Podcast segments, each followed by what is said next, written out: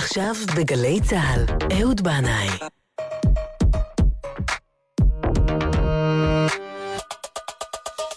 הבית של החיילים,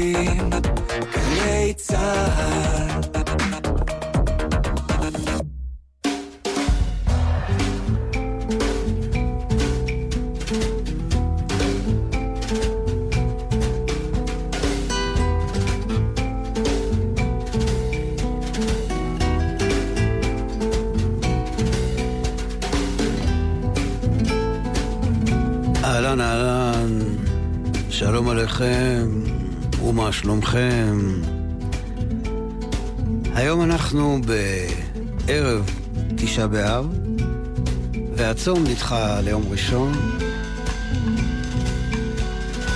ואנחנו היום בזה המקום ננסה לראות את הצד החיובי של היום הזה. אמנם אנחנו מתאבלים על חורבן, אה, אבל מי שנכנס, ואומרים שמי שנכנס אב, ממעטים בשמחה, אבל לא מוותרים על השמחה לגמרי, בכל זאת שומרים על איזו אש קטנה של שמחה. כי מתוך החורבן יכולה לצמוח מציאות חדשה, התחלה חדשה. חורבן הוא גם הזדמנות ליצור מצב חדש. לפעמים הוא מחויב המציאות כדי לעשות התחלה מחדש וחישוב מסלול מחדש לכל המערכת. אה, יש נוהגים שלא לשמוע כלל מוזיקה בימים האלה, אבל אנחנו בזה המקום היום ננהג אה, כבכל שנה לפי הדעה שאומרת שזה תלוי בסוג המוזיקה. אה, במוזיקה שהיא לא שמחה מותר לשמוע, וכך אנחנו נלך עם אלה שנוהגים ככה. השבוע שחלף, ה' באב, הוא יום הפטירה של הארי הקדוש, המקובל הגדול מצפת. אנחנו נדבר עליו קצת בהמשך התוכנית, אם ירצה השם.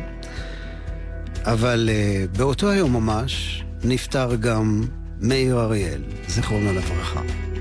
ומאז שנשמתו של מאיר עזבה את גופו, היא רק הולכת ומאירה בעוצמה גוברת והולכת.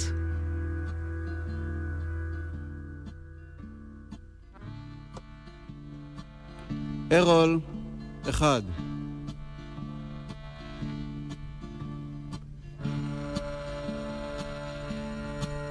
בסוף מצאו אותו זרוק מתחת עץ אשכוליות אחד, חשבו שזהו זה, הרי הכל יכול להיות מחד, מאידך התברר שזה לפי שעה בסדר, שתי סתירות הוא התעורר, אם כי בדרך אל החדר, הוא חשב שאם ממילא גוררים אותו שני אלה ושקע שוב בתנומה, תנומה כל עוד נמשכת הגרירה, זה רק נגמר בעוד סתירה,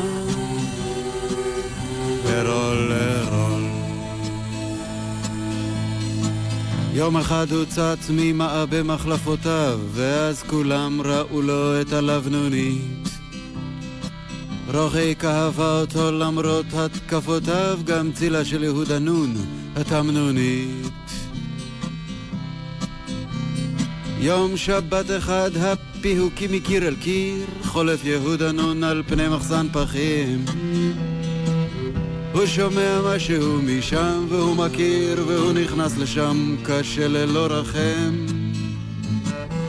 מאוחר יותר אוכלים את נון ההיסוסים אולי אסור היה לו ככה להכות הם גוברים ככל שנמשכים החיפושים זאת היא הייתה צריכה לחטוף את המכות ורוחי כאבה אותו אומרים שגם אביבה יש אומרים יסוד סביר לחשוב שגם עקיבא.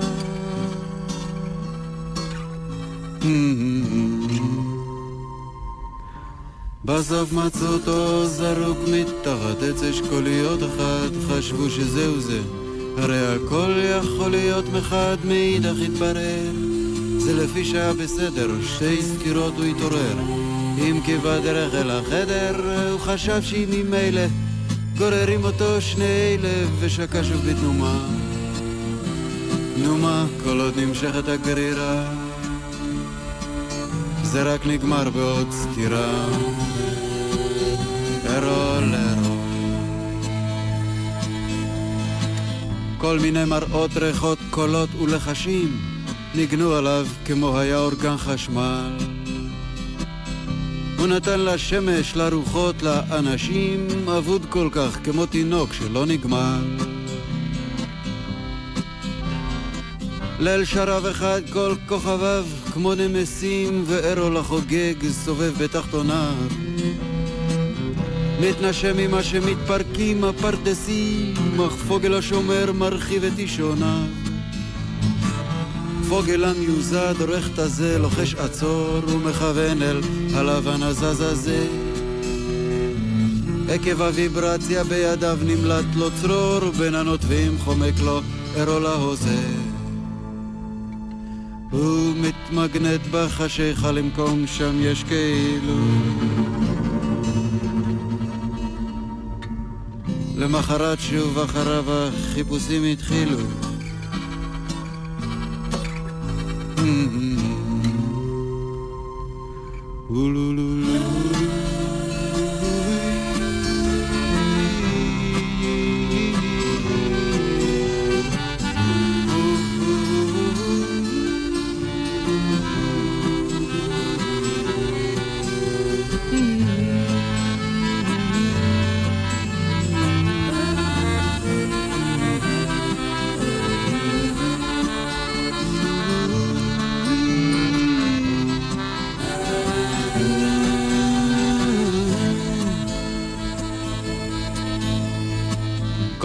שבחצר היו שומעים מכה, ידעו שארול שוב נפל מעץ התות. ענפיו נתנו לו את ביתם דממה רכה, והוא היה תופס איתם מין שוטטות. את אותו דבר נתן לו עץ אשכוליות, כמעט אותו דבר גם אקליפטוס הוג. זה מה שחשבנו שהכל יכול להיות כל פעם שהאיש פרח לו ונמרוק כל מיני חשבו שזה העשב המתוק אמרו לא טיפס על עצים לא ינק. כמה גם חשבו שאי אפשר על כך לשתוק הרחק הרחק עומד לו אקליפט ענק. התחלנו כבר לראות בזה דבר כמעט קבוע את רוחיק בא בגמגום חנוק שכבר שבוע.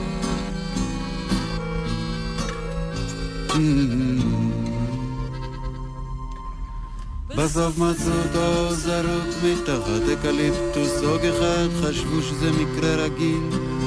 לא צריך לדאוג מחד מאידך התברר זה לגמרי לא בסדר שתי סטירות לא התעורר גם לא בדרך אל החדר היא הבינה זאת ממילא גם בלי מבטי שני אלה, היא ראתה את זה מזמן, היא אהבה אותו, אז מה, בכיתי גם אני איתה. אני מי שאהב אותה, לי לי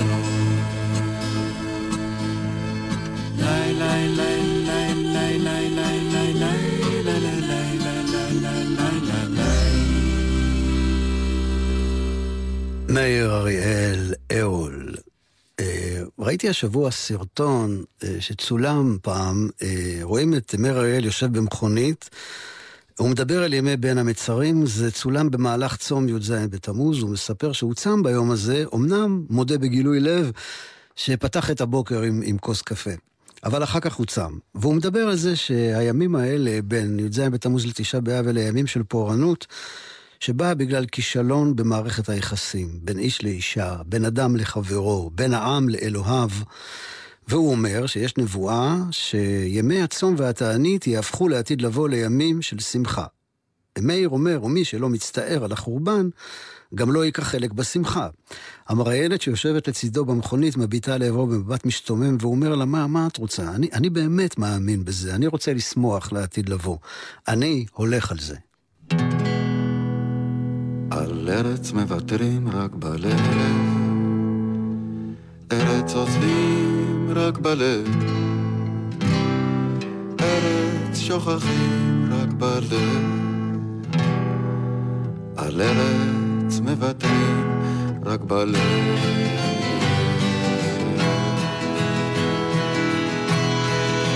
רק בלב הארץ הזאת כבר החליפה עמים וקומות כשמלה. כמו תכשיטים רק שומרת על השמות שקיבלה. החליפה אותי פעמיים כמעט שהייתי אחר. אך זה לי אלף שנים ועוד אלף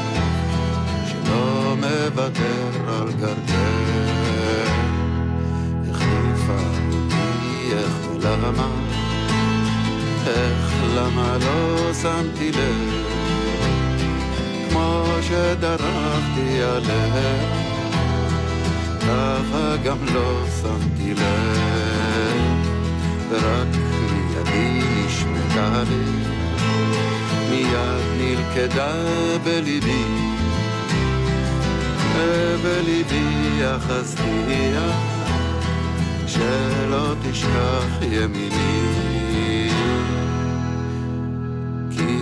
תימצא לך ארץ, ותהיה בה אזרח, לך איתה בדרך ארץ, שמע מאחד ששרף,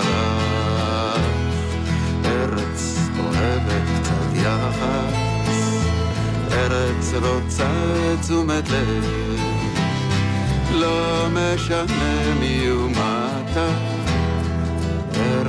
ארץ רוצה תשומת לב, כי הארץ מוותרים רק בלב, ארץ עוזבים רק בלב, ארץ שוכחים רק בלב,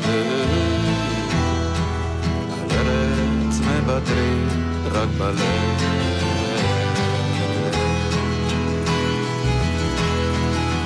רק בלב.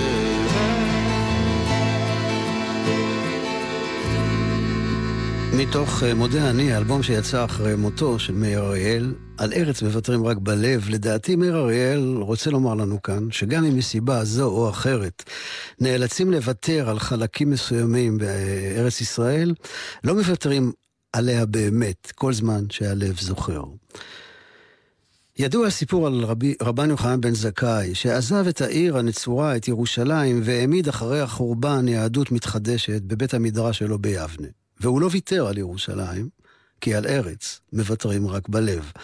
תארו לעצמכם יהודי חי בימי חורבן בית שני, נניח בגליל העליון, נניח בבקעת ארבל, והנה מגיעה השמועה, הבית נחרב, אין כהן, אין לוי, אין קטורת, אין קורבנות. ודאי בשביל אותו האיש, כאילו נחרב העולם. איך מקיימים את היהדות עכשיו? והנה בא רבן יוחנן בן זכאי, חומק כאילו הוא מת מהעיר הנצורה, שסגורה מבחוץ על ידי הרומאים ומבפנים על ידי הקנאים היהודים הסקריקים, שלא נותנים לאף אחד לצאת, ואחרי שהוא מצליח לחמוק מהעיר, הוא מקבל מהמצביא הרומאי אספסיאנוס את הרשות להקים בית מדרש ביבנה, ושם הוא בונה עם תלמידיו יהדות עם תפיסת עולם חדשה, שבה את מקום הקורבנות תופסות המילים. במקום קורבן שחרית, יש לנו תפילת שחרית. וכך כל עבודת בית המקדש מתקפלת לספר קטן שנקרא סידור. ובכל מקום בעולם, יהודים יכולים לעבוד את עבודת הקודש, לשמור ולזכור. בכל מקום, גם בתימן. בליל זייב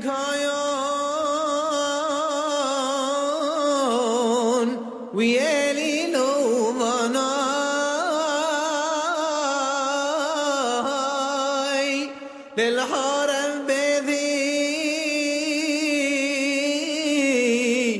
ونسرفوا أرماناي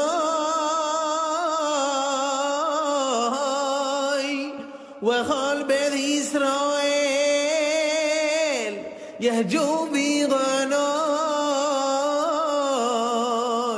يبكو السرفا. أشهر صارت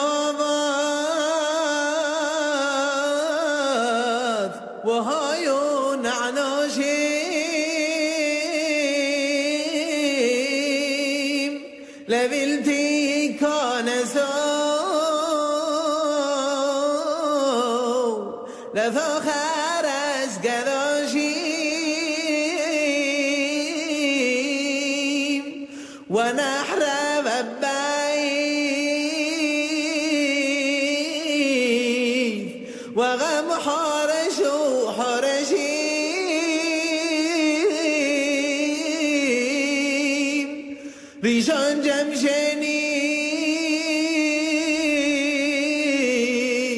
يا شاني عم حذاشيم وغمن الكذا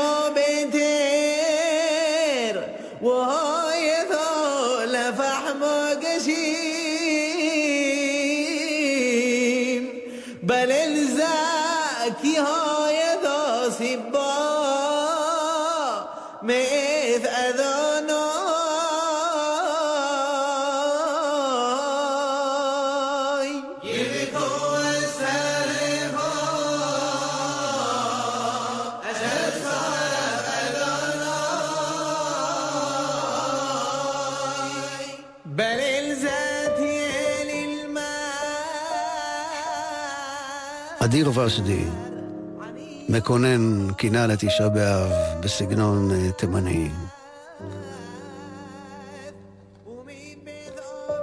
אמר רבי אבהו, היה הקדוש ברוך הוא בורא עולמות ומחריבן עד שברא את העולם הזה.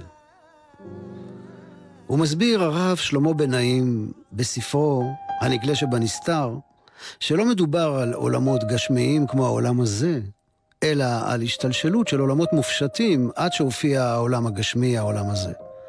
והופעתה של מהות גשמית בתוך מהות רוחנית נקראת חורבן. אומר הרב בן נעים שמיד עם בריאת העולם התרחש חורבן. כתוב בראשית ברא אלוקים את השמיים ואת הארץ, והארץ הייתה תוהו ובוהו. רגע, רגע, רגע. הוא רק ברא את השמיים והארץ וכבר נהיה תוהו ובוהו? הלו, מה זה? ישר בלגן? איך זה?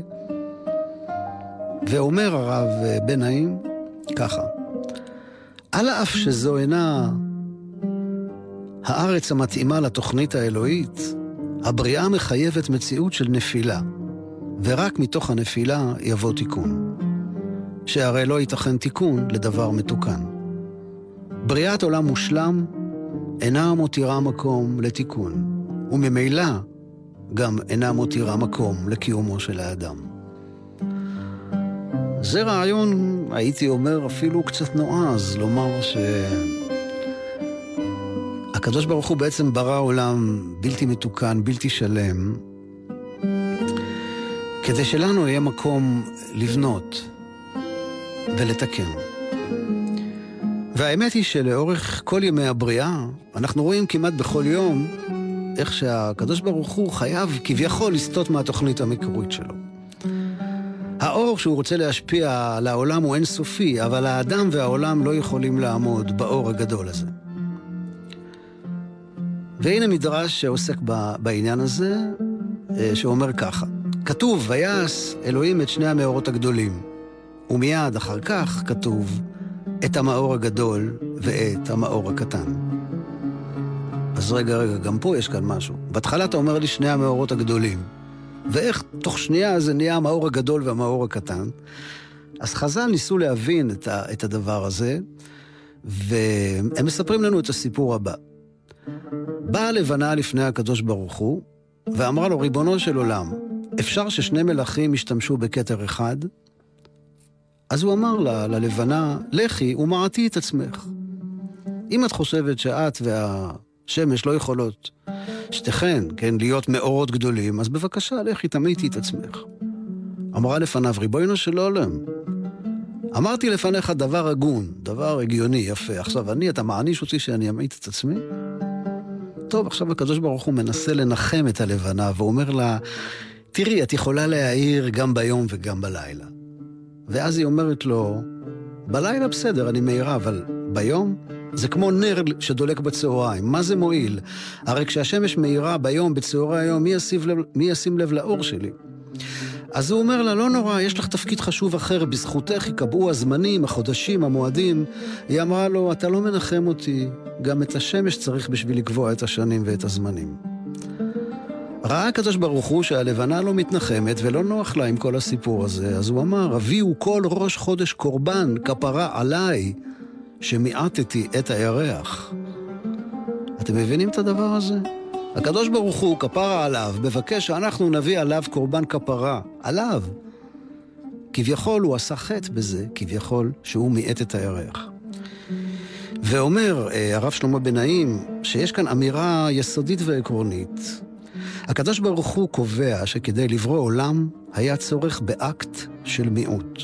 משום שללא המיעוט לא יוכל העולם לקום ולא יהיה מקום למציאות. ומאחר שהבורא עשה זאת כביכול בעל כורחו, ומשום שהמיעוט מצייר קושי עבור הנבראים, הבורא מבקש את סליחת הנבראים, ואף מבקש שיביאו קורבן כפרה על מעשה זה.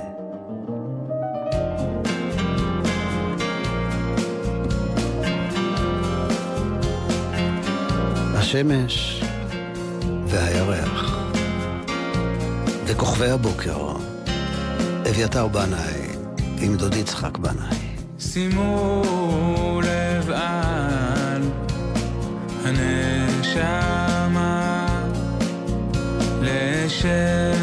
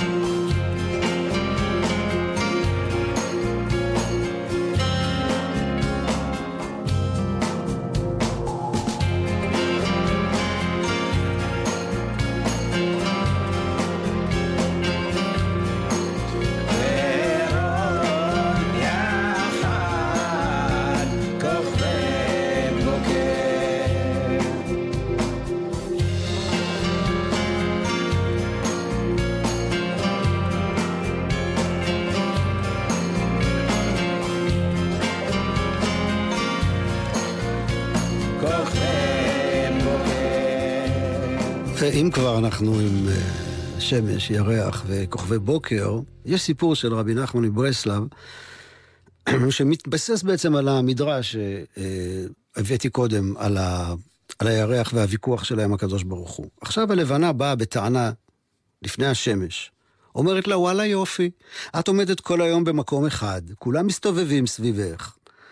תמיד חם לך, מה רע לך? אבל אני, תסתכלי עליי, אני מסתובבת בעולם בלילות החשוכים, קר לי. מה, מה, תעשי בשבילי משהו. אמרה החמה ללבנה, לבנה, תרגעי, אני אתפור לך מלבוש שיעטוב ויחמם אותך. והשמש קראה לכל החייטים החשובים בעיר וביקשה מהם לתפור בגד יפה ללבנה, ככה שמלת ערב עם נוצצים כאלה, משהו כזה. אבל החייטים החשובים והגדולים אמרו, איך נוכל לתפור מלבוש ללבנה? הרי היא כל הזמן משתנה. איך ניקח מידות?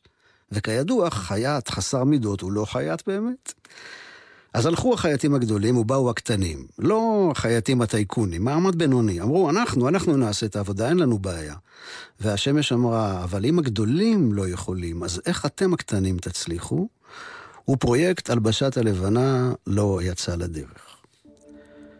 אז איך אפשר להבין את הסיפור החידתי הזה של רבי נחמן? אולי החייטים הגדולים צודקים, ואי אפשר להכין לבוש לדבר שמשנה את צורתו. בגד אחד הרי לא יספיק לאדם לכל החיים, הגודל שלו משתנה כל הזמן. זה כמו לצוד רגעים חולפים ברשת דייגים, או פרפרים. אבל אולי, אולי החייטים הקטנים צודקים, כי הרי הירח לא באמת משתנה, רק האור שלו משתנה.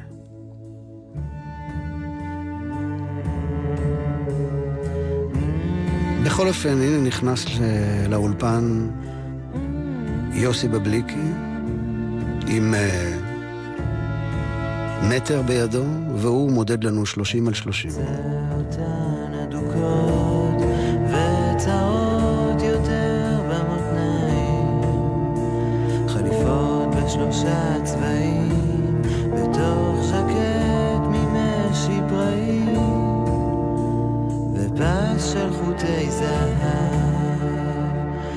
יתאים בלי שום ספק, רקמה של חוטי זהב.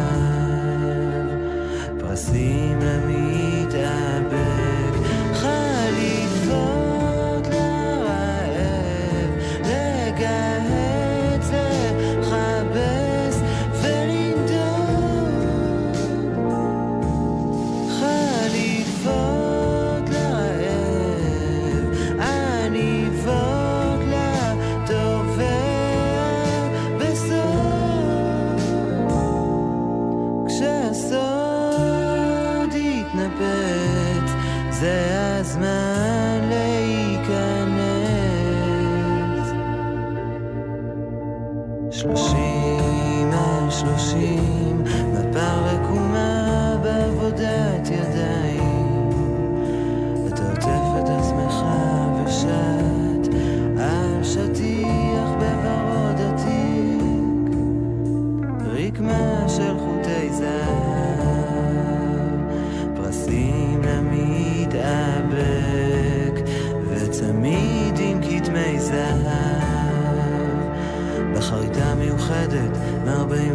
ocean.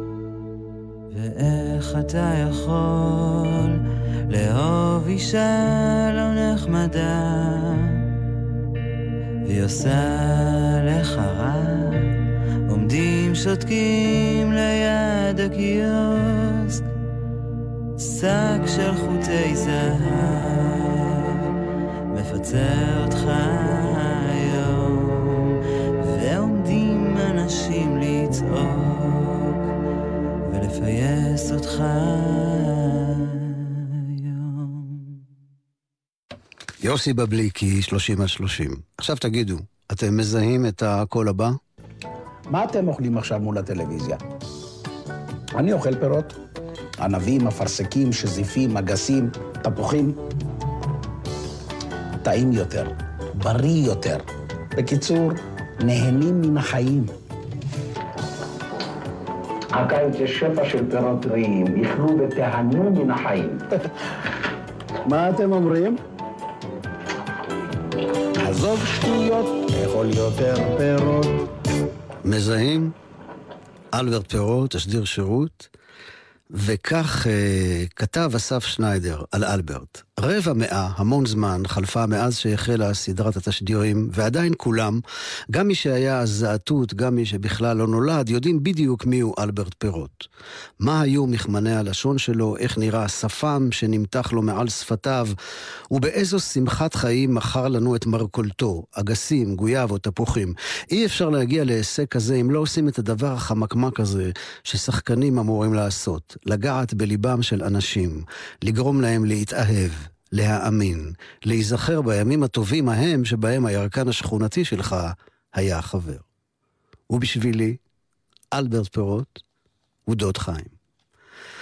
דוד חיים נפטר בביתו, במיטתו, בשנת הצהריים, מדום לב, בתשעה באב, תשס"ח, שנת 2008, בן 71 היה במותו, ועד היום, אני מודה לאל על הדחף הפתאומי שהרגשתי באותו היום, בתשעה באב, במהלך הצום, בסביבות השעה 11, להתקשר לדוד חיים ולשאול לשלומו, לשמוע את קולו החם והצרוד ולשוחח איתו בנעימות, כמו תמיד, מבלי לדעת שזאת תהיה השיחה האחרונה שלי עם דוד חיים.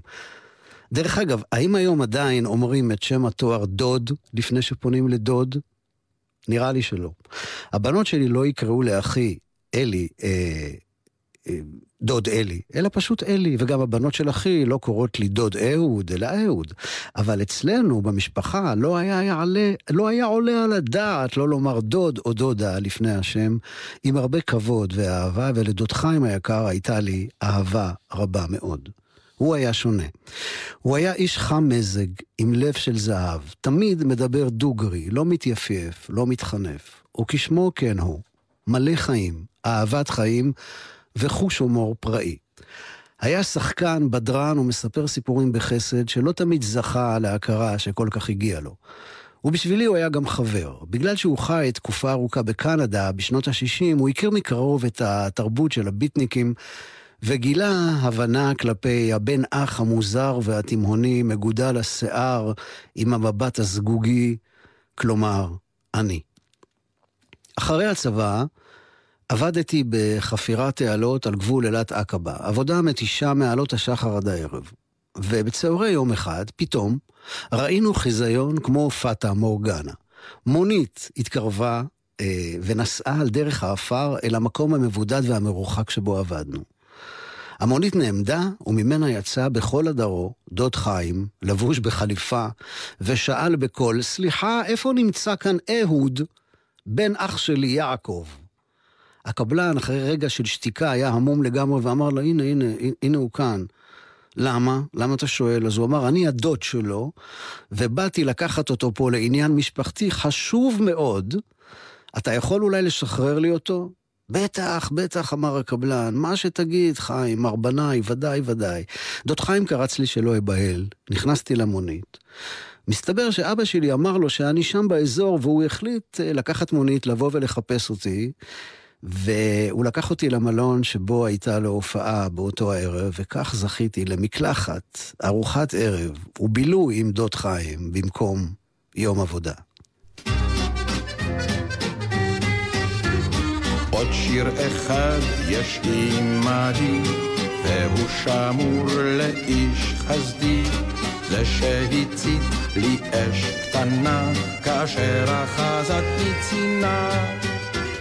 זה שהסיק תנור קטן, שברחובי המהוגן, כל הדודות החסודות סגרו בפניי את דלתן. חופן פחם, שני בולי עץ, זה לא קשה, זה לא הרבה, בליבי ניצתה האש, אשר לעולם לא תכבה.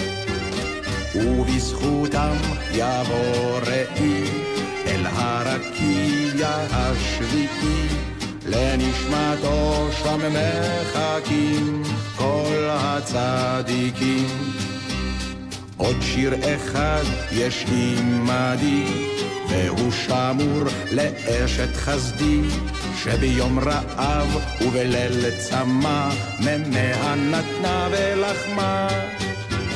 זו שפתחה לי צריף קטן, כשברחובי המהוגן, כל הדודות החסודות פשוט הסתתרו בביתן. רבע כיכר, לחם שחור, זה לא קשה, זה לא הרבה, אך בליבי ניצת האור, אשר לעולם לא יכבה. ובזכותם תבוא גם היא אל הרקיע השביעי, לנשמתה שם מחכים כל הצדיקים. שיר אחרון יש עימדי, והוא שמור לאיש חסדי, זה שחייך לי בין זרים, כאשר הקיפוני שוטרים. זה שנתן חיוך קטן, כשברחובי המהוגן, כל הדודות החסודות דקרו אותי במבטן.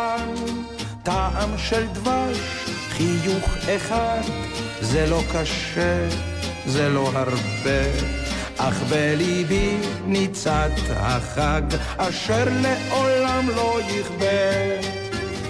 ובזכותם תבוא ראי אל הרקיע השביעי, כי גם לך שם מחכים כל הצדיקים.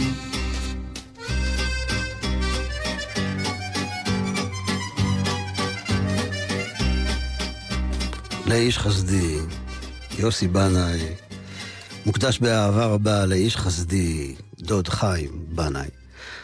בשנותיו האחרונות דוד חיים היה מגיע כל שבת אל בית הכנסת של המשפחה בנחלאות בירושלים. רוב המשפחה כבר עזבה את האזור, אבל חיים נשאר לגור שם, ובכל פעם שהייתי מגיע לבית הכנסת הייתי תמיד כל כך שמח למצוא אותו שם יושב על אותו מקום בו היה יושב סבא מאיר. חיים היה יושב שם עם החיוך המקסים שלו ועם הכיפה הבוכרית הגדולה על ראשו. על ראשו. ולזכרו ולעילוי נשמתו של דוד חיים היקר והאהוב שנפטר בתשעה באב, אנחנו רוצים להשמיע עכשיו קינה לתשעה באב בסגנון ספרדי ירושלמי עם הפייטן משה חבושה, דוד חיים, תהא נשמתו צרורה בצרור החיים, ויהי זכרו ברוך.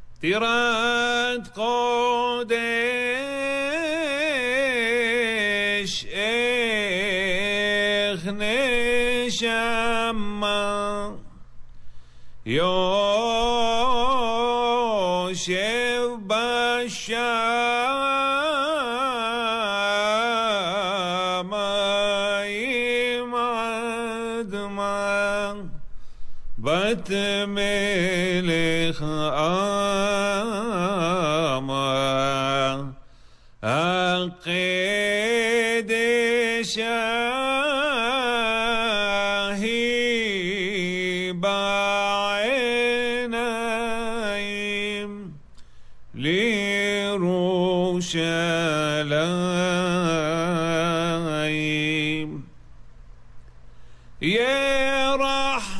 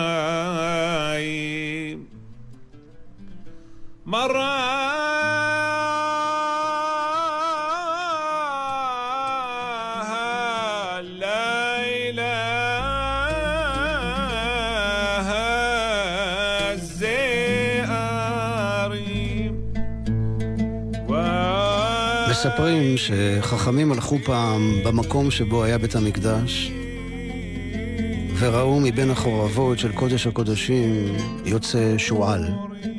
הם בכו, אבל רבי עקיבא צחק. כששאלו אותו למה הוא צוחק, הוא אמר, עכשיו אני בטוח שתתגשם נבואת הגאולה, כשם שהתגשמה נבואת החורבן. כן, כן. זרע שנטמן באדמה חייב להירקב רגע לפני שהוא נובט. בלי הריקבון לא תהיה צמיחה. הרב קוק אמר, כשמתגדל השעמום והעיצבון בליבו של האדם, ידע שממקור היגון וממחשקי השיממון יבוא הששון ואור החיים. כי תוהו ובוהו קדמו לעולם הבניין. השעשועים שם אצלו המון, שובע צחצחות גנזי מטמון, נוצר עולמים וכל להמון, לכל שכל ולכל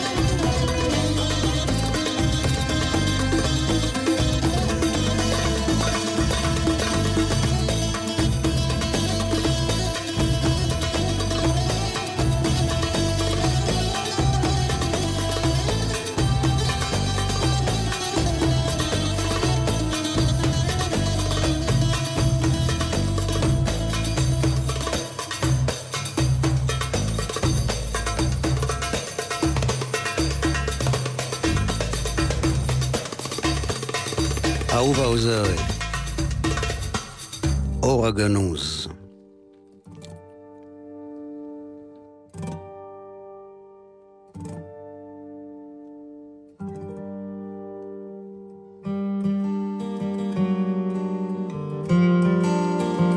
השבוע בה' באב חל יום פטירתו של הארי הקדוש. זכותו תגן עלינו.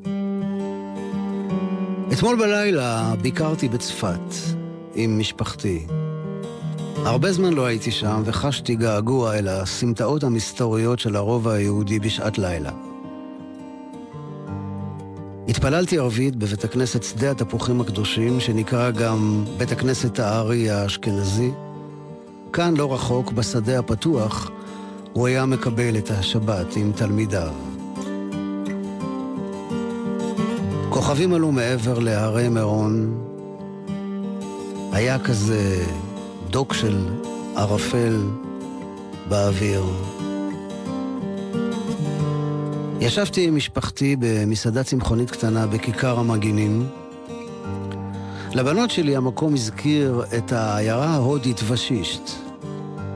בכיכר התגודדו והלכו ובאו טיפוסים שונים ומשונים. קצת תימהוניים, קצת סהרוריים. נשמות גבוהות ומיוחדות, שהאור הגדול של המקום מושך אותם. היה ערב קסום, עם רוח נעימה. ואני התרגשתי לחשוב שכאן, ממש כאן מעבר לפינה, רבי חיים ויטל שמע את חוכמת הקבלה ממורו הארי, ורבי יוסף קארו כתב באותו זמן את השולחן הערוך. ורבי שלמה אלקבץ כתב את הפיוט "לך דודי", שנשיר הערב בכל בתי הכנסת, מארץ האש ועד קטמנדו.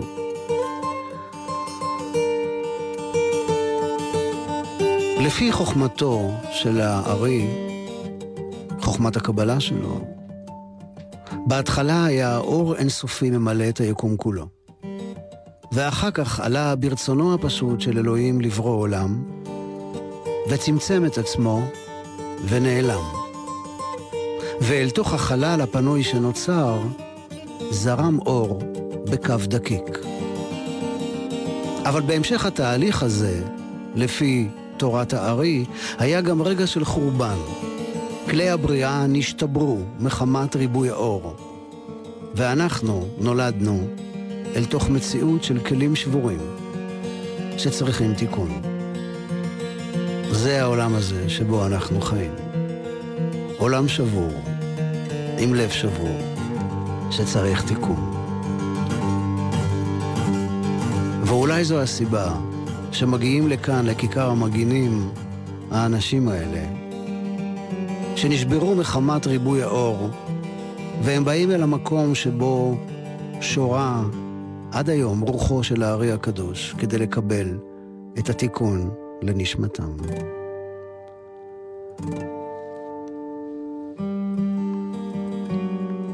ואנחנו נסיים את התוכנית עם אה, אחד מהפיוטים של הארי. הארי כתב שלושה, שלושה פיוטים לשבת. הזמר בשבחין שמושר בליל שבת. אסדר לסעודתה בשבת בבוקר, וזה הניגון של אה, סעודה שלישית. הנה הוא מתחיל. בני חלד יחסיפין. יצחק מאיר שמארח את דוד האור.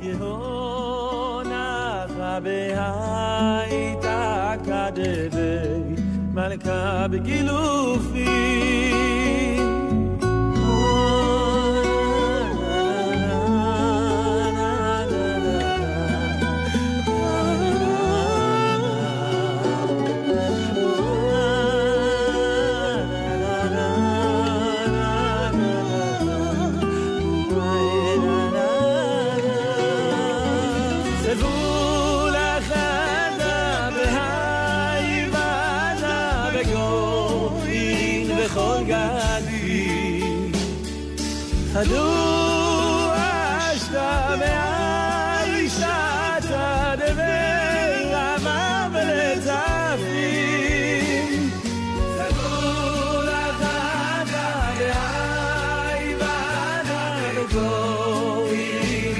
Yeah.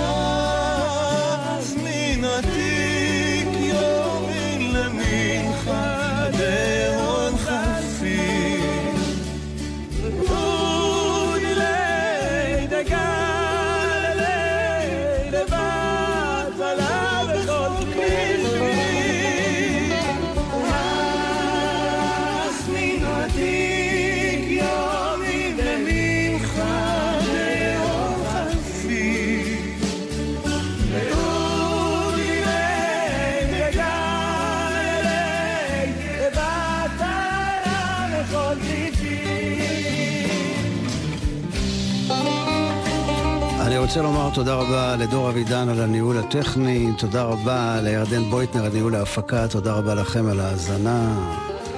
יהי רצון ששבת של שלום תרד על כולנו, שנתבשר בשורות טובות, ישועות ונחמות. שיום החורבן על בית המקדש, תשעה באב, יהפך ליום של שמחה וגאולה. נכון, נכון, אחים ואחיות, אני לא תמים, אני חי פה, אני יודע מה קורה, אבל אם אני אאבד את התקווה, מה יישאר? מה יישאר לנו? אז אנחנו ממשיכים לקוות ולצפות לקראת שבת, לכו ונלכה, כי היא מקור הברכה. כל טוב, סלמה.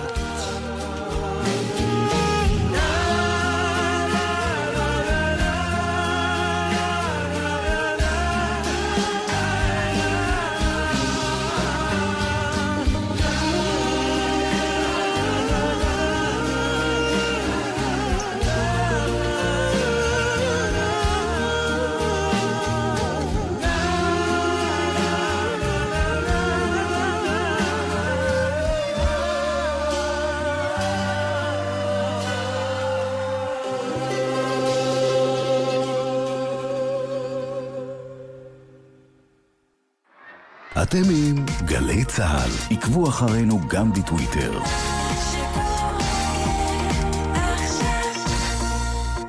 טיפ מהיר שכדאי להכיר. בקיץ מכוונים את המזגן כך שבחדר יהיו 25 מעלות וחוסכים בצריכת החשמל של המזגן לקירור. מתייעלים וחוסכים. איתכם בכל רגע, חברת החשמל. אז מה אתם חושבים באמת, אחי ישראלי לילי? השמש, הנופים, הטחינה על הג'ינס שלי לילי כי תכלס בשבילי, רק מוצר ישראלי לילי זה טוב לכלכלה, לה לה, זה בטח טוב גם לקונים חודש כחול לבן במגוון רשתות השיווק. בוחרים מוצר ישראלי לילי, נהנים ממוצר איכותי ותורמים לכלכלה ולתעשייה. משרד הכלכלה, התאחדות התעשיינים וההסתדרות. כלכלה חזקה בשבילכם. פרטים באתר, כפוף לתנאי המבצע. נהגים, לאופניים החשמליים אין גלגלי עזר, ואין גם הזדמנות שנייה. רוכבי אופניים חולקים איתכם את הכביש, אך הם פגיעים מכם. מספיקה טעות אחת קטנה שלהם או שלכם, ואין דרך חזרה. שימו לב לרוכבים לידכם, חפשו אותם במראות, שמרו על מרחק מהם, ואפשרו להם לרכוב בבטחה. נלחמים על החיים עם הרלב"ד, הרשות הלאומית לבטיחות בדרכים.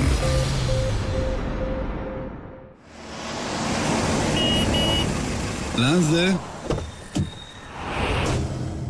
אף פעם לא תדעי איך תיגמר הנסיעה. חיילת, לא עולים על טרמפים.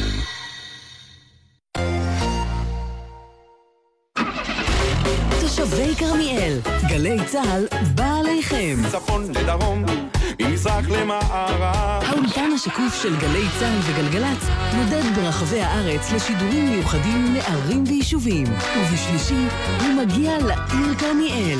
בשש בערב, יורם סוויסה ושיר הדס מאיר עם מה הלו"ז. בא בגלי צה"ל.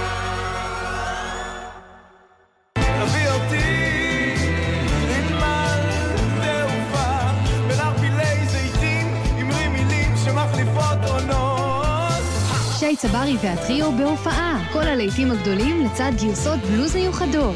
אורח עוזי רמירז. רביעי, תשע בערב, בפסטיבל הבלוז והבירה בשדרות, ובשידור חי בגלי צה"ל.